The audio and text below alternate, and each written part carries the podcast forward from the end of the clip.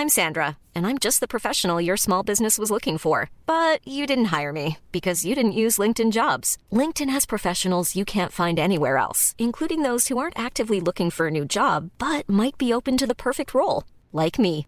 In a given month, over 70% of LinkedIn users don't visit other leading job sites. So if you're not looking on LinkedIn, you'll miss out on great candidates like Sandra. Start hiring professionals like a professional. Post your free job on linkedin.com/people today.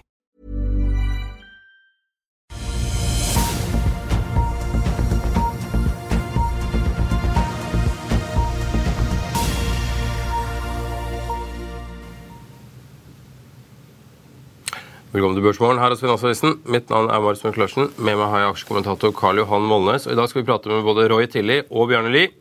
Men det blir børsåpning først. Europeiske futures er svakt i pluss i dag, og brentoljen handles til 75,82 dollar fatet, som er rundt 1 dollar og 40 cent høyere enn da Oslo Børs stengte i går. SNP 500-indeksen endte opp 1,22 i går.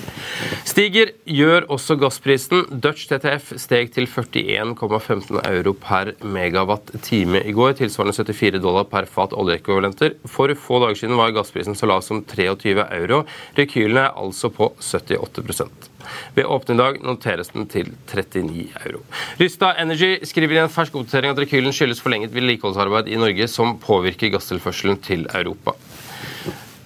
MPC Containerships oppjusterer guidingen for 2023, der selskapet ser driftsinntekter på 650-670 millioner dollar mot tidligere 610-630 millioner dollar, og en EBDA på 450-470 millioner dollar mot tidligere 420-450 millioner dollar.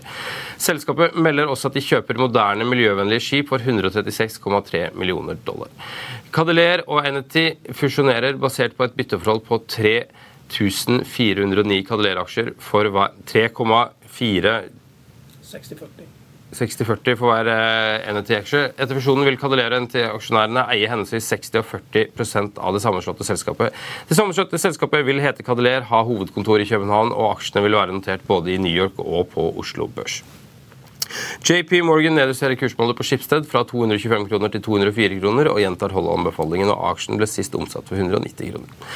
Pareto kutter kursmålet på Rex Silicon fra 41 kroner til 27 kroner og gjentar kjøpsanbefalingen, og aksjen ble sist omsatt for 15 kroner og 70 øre. Tremåneders Nibor fortsetter klatringen og er kommet opp i 4,16% det høyeste nivået siden 2008. og Troen på at Norges Bank kliner til med en dobbeltheving i neste uke, styrker seg. Og så en ting til. EFTINGS kunngjør utrullingen av sin Wave radonenhet hos Home Depot. Dette er selskapets andre radonmålingsenhet tilgjengelig hos Home Depot. Yes, Da var vi endelig i gang, litt forsinket på morgenkvisten. Karl Johan. Hva er det du eh, har bitt deg merke i? Antar det er Cadeler? som er... Ja, Cadeler. Vi fikk jo gleden av å høre på selskapets eh, konsernsjef Mikael, eh, Mikael Glerup eh, på eh, Marine Moneys eh, på Nordshipping. Og det er jo en mann som Dansker er jo normalt fulle av selvtillit, men dette var liksom som en superdansk à Preben Elkjær eller Brian Nilsen i sitt beste. Han han uh, styrte det panelet, og nå, nå, skal han fusjonere med Enity, og Det er jo folk som kan prate det også. Det er jo Scorpio Tankers-gjengen med Emilie Lauro og Robert Bugby. og Fornuftig nok Kadeler 60% av firmaet, Enety 40 og, og det betyr at Cadeler kommer til USA. De er, enheter her i USA, selv om at eh, Lauro-familien kommer fra, fra, eh, fra eh, Italia, så, så, er det liksom og Med Monaco-basert så er det USA de har drifta. Tidligere hadde Kaller sagt at de ikke skulle vil satse på USA, men nå skal de gjøre det. Og det er jo markedslederen da, i markedet. De har ja, Børsverdien er fortsatt under 10 milliarder for Cadeler og rundt 5 milliarder for Eneti. og Nå blir det 60-40, så dette er en god deal. og Det betyr jo at Cadeler tar over dette. her, og Det er jo BV Group som er hovedaksjonær i Cadeler. Så nok en styrkelse av BV Group, da, med enda større vekst for den enheten. så det virker, eh, det virker et selskap som er full av selvtillit og har de største båtene. Og sier likevel at det er mange begrensninger for at man kan gjøre alt det som sektoren har lyst til å gjøre. Mm. Det er godt nytt med andre ord. Ja, det er fornuftig. Veldig kommersielt riktig. at Eneti har vært i USA, og Kadeler hadde ikke noen planer om å dra dit og slå disse her sammen. og Jeg tror ikke vind, sånn Vindservice er det som eh, Lauro-gruppen altså De er shippingfolk. ikke sant? Det er produkttank og tank og sånne ting som ligger deres hjerte nærmest. så... Det høres jo ikke ut som en deal som det er vanskelig å lande det her, med andre ord. Nei da. Det er 60-40. Det høres ut som en god deal for Eneti også. Mm. Det som kanskje blir en litt vanskeligere deal, er jo SAS. Ja, SAS der virker det å være en måneds uh, forsinkelse. og Det er jo gjerne sånn at uh, det er veldig, veldig sesong, sesongsvingninger. og Skal du inn i et flyselskap, så jeg tror nok de som har, lyst, de som har tenkt å gå inn med penger, har lyst til å se hvordan sommersesongen går, og prøve å, å, å dra litt på dette her og, og uh, få litt mer tall. da. Nå er det liksom Eh, indikasjoner liksom skulle vært inn i juni, det blir juli, og, firm offers eh, som skulle vært i august, kommer i september. og Ting drar ut i tid. da, og Det er jo ikke gode nyheter for SAS. Nei, det er vel ikke et veldig gunstig tidspunkt å ha sånne uttrekninger av sånne situasjoner nå, eller sånne prosesser nå? Nei, det betyr jo det at de som til slutt, da, de som eh, generelt sett er i nedgangskonjunktur, så mister jo et flyselskap mellom 4 og 6 margin. da, og Vi er jo på vei dit, selv om eh, eh, vi har problemer med å akseptere det. Så vi er jo bare en, en beslutning fra Federal Reserve mm, med, med, med, likviditet til før at vi har renteøkninger før at det der ikke er nok oksygen og vi får nedgangskonjunktur. og det blir ikke bedre av det. Hvor dramatisk er en sånn utsettelse egentlig? Det SAS eh, lever jo på lånt tid, og de eh, eh det, det, går jo bare utover de eksisterende aksjonærene og kreditorene. Det som er fint med Chapter 11, er jo at det, du skal jo da forsyne selskapet med nok gjeld til at det overlever. Og Da er det mye greier for aksjonærene å komme inn og de er sikre på det at eh, ok, dette er bunn. liksom. Så kommer du med penger, og de som har aksjer der fra før, mm, de kan ikke regne med å få noe. altså. Det virker å bli veldig lite igjen for de, altså. Så, eh, og det er, fortsatt, eh, det er jo fortsatt positiv verdi på statsaksjene. Det er fortsatt milliarder kroner, så over en milliard. Så det, det er fortsatt store verdier som, som skal da moses ned. Da. Og det, den mosingen skjer jo da i forbindelse med reprisinga. Men jeg tror ikke de vil ta det av børs eh, hvis de overlever, og hvis de blir enige. fordi at eh, å være på børs så er det mye lettere å komme seg ut av det for de som går inn. da, hvis du går inn, så, så med Fredriksen gikk inn i Norwegian. Du ønsker ikke å ta det privat. for Når du er på børs, så er det lettere å komme seg ut igjen og få selge halvparten til dobbel pris om etter to år. For da kommer de ut av posisjonen istedenfor å måtte gå på børs igjen senere. Det er mye vanskeligere. Mm. Så overlever de, så tror jeg de blir på børs. I'm Sandra, and I'm just the professional your small business was looking for. But you didn't hire me because you didn't use LinkedIn jobs. LinkedIn has professionals you can't find anywhere else, including those who aren't actively looking for a new job, but might be open to the perfect role like me.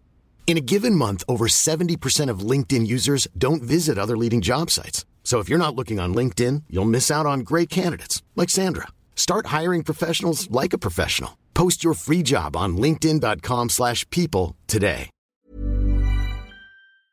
I'll see you in court. Vi sier det ofte litt på spøk, men for deg som driver business, er det aldri moro å innse at du ikke har laget en 100 gyldig kontrakt. Du bør ikke risikere hele firmaet ditt fordi du synes dette med kontrakter er litt stress. En avtale er ikke en avtale.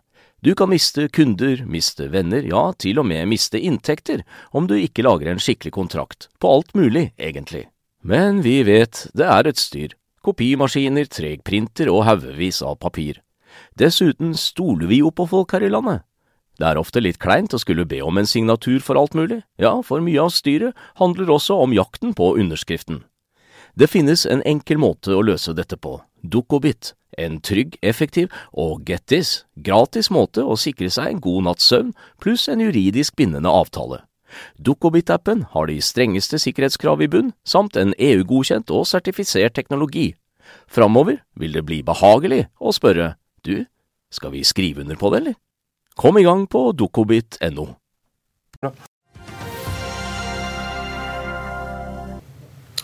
Rødtilli, bankanalytiker i Arctic Securities, velkommen til oss. Tusen takk for det. Du er ute med en ny oppdatering, er du ikke det? Jo, sendte ut en litt eh, større sektorrapport på norske banker nå eh, for et par dager siden.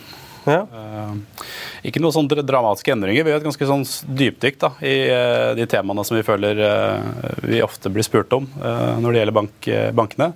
Og det er jo hvor, hvor høyt skal netto renteinntekter, hvor fort skal de snu? Hvor, hvor kommer utlånstapene, hvor høye blir de? Så det er jo, Bankene er jo ikke nevneverdig dyrt prisa med tanke på hva slags forventa avkastning vi ser på, på egenkapitalen fremover så er det åpenbart noe som plager, plager Ekobevisen og aksjene litt. Så vi, vi, bruker litt tid på å prøve å grave der vi kan og se hva vi, hva vi klarer å finne. Og så kommer vi egentlig ut med samme anbefalinger som vi hadde tidligere, nemlig at vi har kjøpt på de aller fleste norske bankene, og vi har for så vidt også det på nordiske banker. Så, så vi er eh, positive. Det er eh, åpenbart at andre halvår og 24 er eh, Utfallsrommet er relativt stort på hvordan økonomisk utvikling blir, men på det vi ser så langt, så, så har vi, tror vi bankene har god kontroll, og at uh, lønnsomheten vil holde seg veldig godt, egentlig. Mm. Norske banker er solide, med andre ord? Norske banker er jo bunnsolide. De har jo bygd kapital over mange år. Nå er de jo på grensen til oppkapitalisert, egentlig flere av de. Eh, og vi tror jo egentlig at veksten blir relativt lav. Nå er jo uh, utlånsveksten til bedrifter høy for øyeblikket. Til husholdningene så er den jo fallende og egentlig rundt 4 da, som er det laveste siden 90-tallet. Merkelig nok, så vi har hatt en lang periode med høy vekst. Eh, vi forventer egentlig at den veksten vil være ganske lav nå i kortenden, altså i 23 og 24, før det kanskje tar seg litt opp i 25. Så med godt kapitaliserte banker som leverer en høy avkastning på egenkapitalen, og i hvert fall tror vi eh, ikke trenger så mye av den kapitalen til vekst, så, så er det jo veldig godt skodd for eh, eventuell motbør også, ja. Blir, blir det noe igjen av den danske bankporteføljen som de kan selge til bankene etter at akademikerne forsvinner til andre banker? Ja, Det er jo et uh, åpent spørsmål. Noe blir det nok igjen. Det tok jo sju-åtte år å bygge opp den porteføljen, så det tar vel sikkert litt tid å, å få den ut også. Men klart, uh, Danske Bank har rundt 200 milliarder utlån i Norge. Rundt 140 av det er akademikerne, etter det jeg har skjønt. Så, så det er jo en kjerneportefølje uh, der også, som, som mest sannsynlig blir værende. Og så er jo Handelsbanken som nå får den nye avtalen med akademikerne fra 1.1.24. De har jo ikke annonsert enda hva slags eh, rentetilbud og sånn de får, så jeg vil jo tro at en del allerede begynner å kikke på det. Og så er det et vindu her nå for andre banker til å selvfølgelig komme med noen gode tilbud til eh, akademikerkunder også. Men Betyr det at Handelsbanken også kan komme til å ta over noen filialer fysisk for å betjene disse kundene? Fordi at de er vel ikke overalt hvor disse kundene er? Nei, altså Handelsbanken har for så vidt et OK filialnettverk i Norge. Men jeg har ikke mappa det opp mot eh, hvor de eventuelt mangler. Men nei, det er jo et åpent spørsmål da, hvem, hvem som eventuelt til slutt ender opp med å kjøpe disse porteføljene. Handelsbanken skal jo nå bare tilby produktene til akademikerne, så er det jo ingen kollektiv avtale, så de må jo, hver enkelt kunde må jo flytte eh, gradvis. Men porteføljen skal jo mest sannsynlig selges også. og det, det gjenstår å se hvem som tar den. Handelsbanken er jo den vi har tenkt som en uh, OK kandidat, fordi de er godt kapitalisert, har, et, uh, har vekstambisjoner. I Norge. Så det er vel kanskje noen likheter mellom kundebasen til danske Handelsbanken òg? Ja, altså det, akademikerne er jo i, i snitt en godt utdanna kundegruppe med god økonomi, som er en kundegruppe som Handelsbanken har sagt at de ønsker å, å, vokse i, og som passer dem godt. Så er vel kanskje problemet til Danske Bank eller har vært at den kundegruppa har flytta utlånet sin til Danske Bank, men ikke så altfor mye annet. Så Innskuddsdekningen til Danske Bank har jo også vært veldig lav. Og kanskje det mersalget man eh, tenkte å få til, har kanskje ikke helt klaffa, da, hit den lønnsomheten i hvert fall vi klarer å regne oss rundt til på, på den norske porteføljen. Da. Så der er kanskje Handelsbanken en bedre posisjon til å få et mer totaltilbud som, eh, som, gir mening, og forhåpentligvis også en mer disiplinert vekst. Der.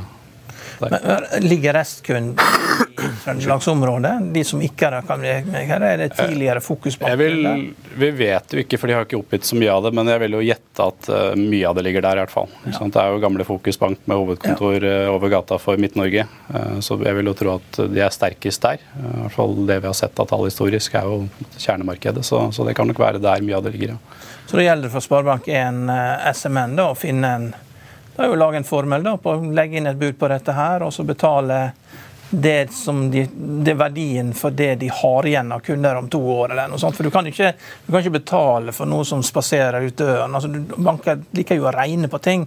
og at mm. det de, eh, de liker jo ikke å kjøpe katta i sekken. At uh, du kjøper en portefølje, og så stikker alle kundene igjen. Nei, jeg tenker i hvert fall Den akademikerbiten av porteføljen er jo litt vanskelig å regne på når du ikke vet hvor mange kunder det er. tross alt. Og så må den jo oppkapitaliseres også når du tar over en portefølje. Så det er jo, det er jo en del kapital uh, hvis det er en mindre bank som skal kjøpe, så, så er det et stort løft. da. Så Det er derfor vi har tenkt de store som Handelsbanken eller Nordea historisk. da. Som, Du har, du har jo tidligere jobba i Sparebank1 SMN, fe- feirer bank. I gruppen, ja. Ja. I gruppen, ja. Og, og eh, de har nettopp feira 200-årsjubileum. Jeg skrev en ukens aksje om det. Og, og, og eh, de var veldig tydelige på at de ønska å ekspandere i Midt-Norge. Er dette her det som de kommer til å bruke pengene på, eller er det andre ting du tror de kommer til å kjøpe? Eh, ja, Det er et godt spørsmål. Vi har vel egentlig ikke tenkt på en enkeltstående sparebank som en veldig aktuell kjøper. Uh, så Jeg sier ikke at de ikke er interessert, men uh, det er et ganske stort løft. Så vi har egentlig ikke noe klart syn på hvem vi tror ender opp med, men jeg vil jo tippe at det er interessant for de å kikke på. i hvert fall. Men det er jo også et alternativ, selvfølgelig, gitt at Danske Bank da trekker seg ut. Så, så vil det bli litt bedre bevegelse i den kundemassen, så du kan jo også bruke kapital bare på, på organisk vokse også. Og så er det jo sånn Over tid så forventer jo vi som veldig mange andre at det er jo en konsolidering også blant norske sparebanker. Nå har jo Midt-Norge for så vidt tatt, tatt over eller slått sammen med Søre Sunnmøre nylig, så de har gjort det. Og så har de jo over lang tid vokst veldig bra eh, i hjemmemarkedet. De har jo vokst raskere enn markedet, selv om de er en ganske dominerende aktør allerede. Så, så Midt-Norge har i hvert fall ikke historisk hatt noen problemer med å få vekst. Hva er eh, favorittaksjen din blant de norske bankaksjene? Eh, som sagt, Vi har jo da egentlig kjøpsanbefaling på veldig mye. Men uh, sånn vi tenker nå er at det kanskje kan bli litt regionale forskjeller fremover. Uh, litt lettere å se for seg et litt høyere vekstpotensial langs kysten spesielt. Relativt bedre økonomisk aktivitet med energisektor som, som går godt. Boligmarkeder som ikke har gått like mye, men som nå går litt mer.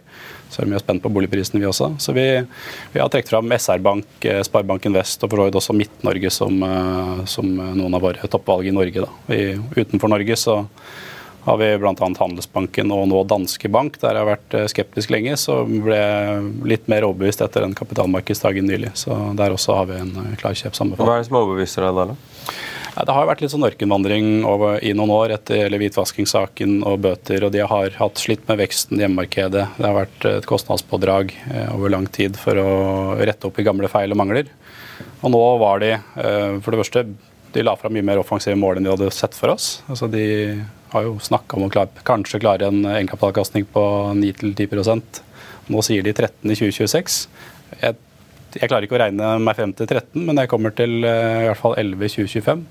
Og på prisingen da eh, nå, som er langt under, eh, godt under bokført verdi, så syns jeg hvis de begynner å levere litt på de planene de legger fram nå, så, så ser det ut som det burde bli en bra reise. da. Digitalisering er jo viktig for bankene. og Mm. Jeg ser jo litt, litt jeg fikk overført noen porteføljer jeg hadde på sånn pensjonssparing til Nordea. Ser Nordea har blitt mye bedre på digitalt. og Mm. Danske Bank sier at eh, et av problemene de har hatt med å konkurrere, er at de eh, ikke har vært flinke nok digitalt til å måtte bruke pengene på eh, hvitvaskingsarbeid. Men eh, Skandiabanken, når den blir kjøpt av DNB, så virker det som at det der er veldig mange av de kundene som er opprørt for at de ikke får bruke Apple Pay hos ja. DNB. Hvor stor andel av kundene tror du at eh, som kommer til å forlate Skandiabanken pga. dette? her? Er- Følger dere med på sånt? S-banken? Ja, nei. øh, det er jo ikke så lett å trekke, men de har hatt en veldig bra vekst nå. Og det var jo også et, veldig mange misfornøyde kunder når de ble kjøpt opp av DNB. Så har det en tendens til at det, er, øh, det ser ut som det er veldig mange som skal gå, og så ender det opp med at det egentlig ikke er så mange som faktisk bytter. Og, og selv om øh, sikkert en, noen vil flytte pga. Apple Pay, så, så tror jeg ikke det blir noen stor, stor bevegelse, egentlig.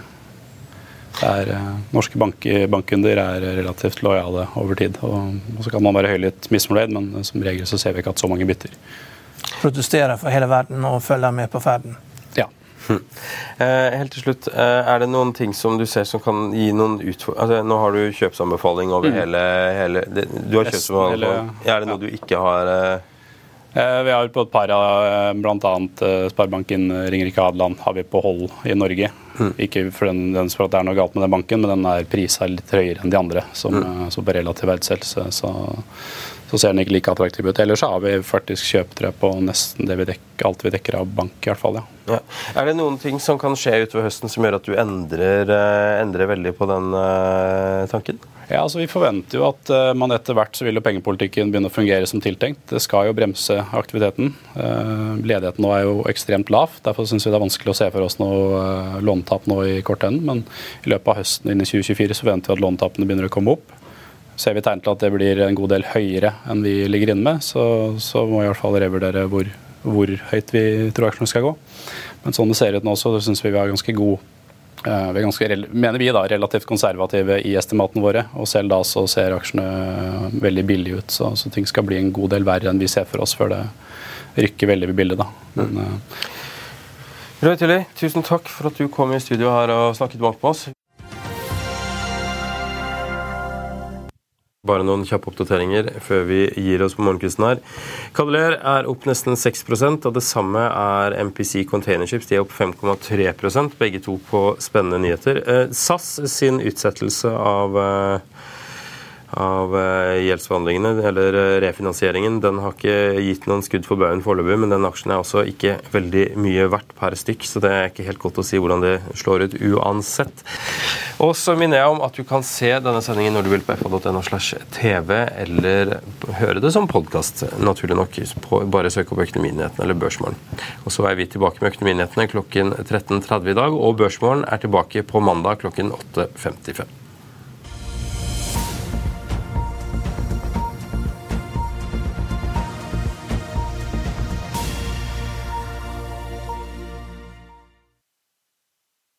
Økonominyhetene er en podkast fra Finansavisen. Programledere er Marius Lorentzen, Stein Ove Haugen og Benedikte Storm Bamvik. Produsenter er Lars Brenden Skram og Bashar Johar. Og ansvarlig redaktør er Trygve Hegnar.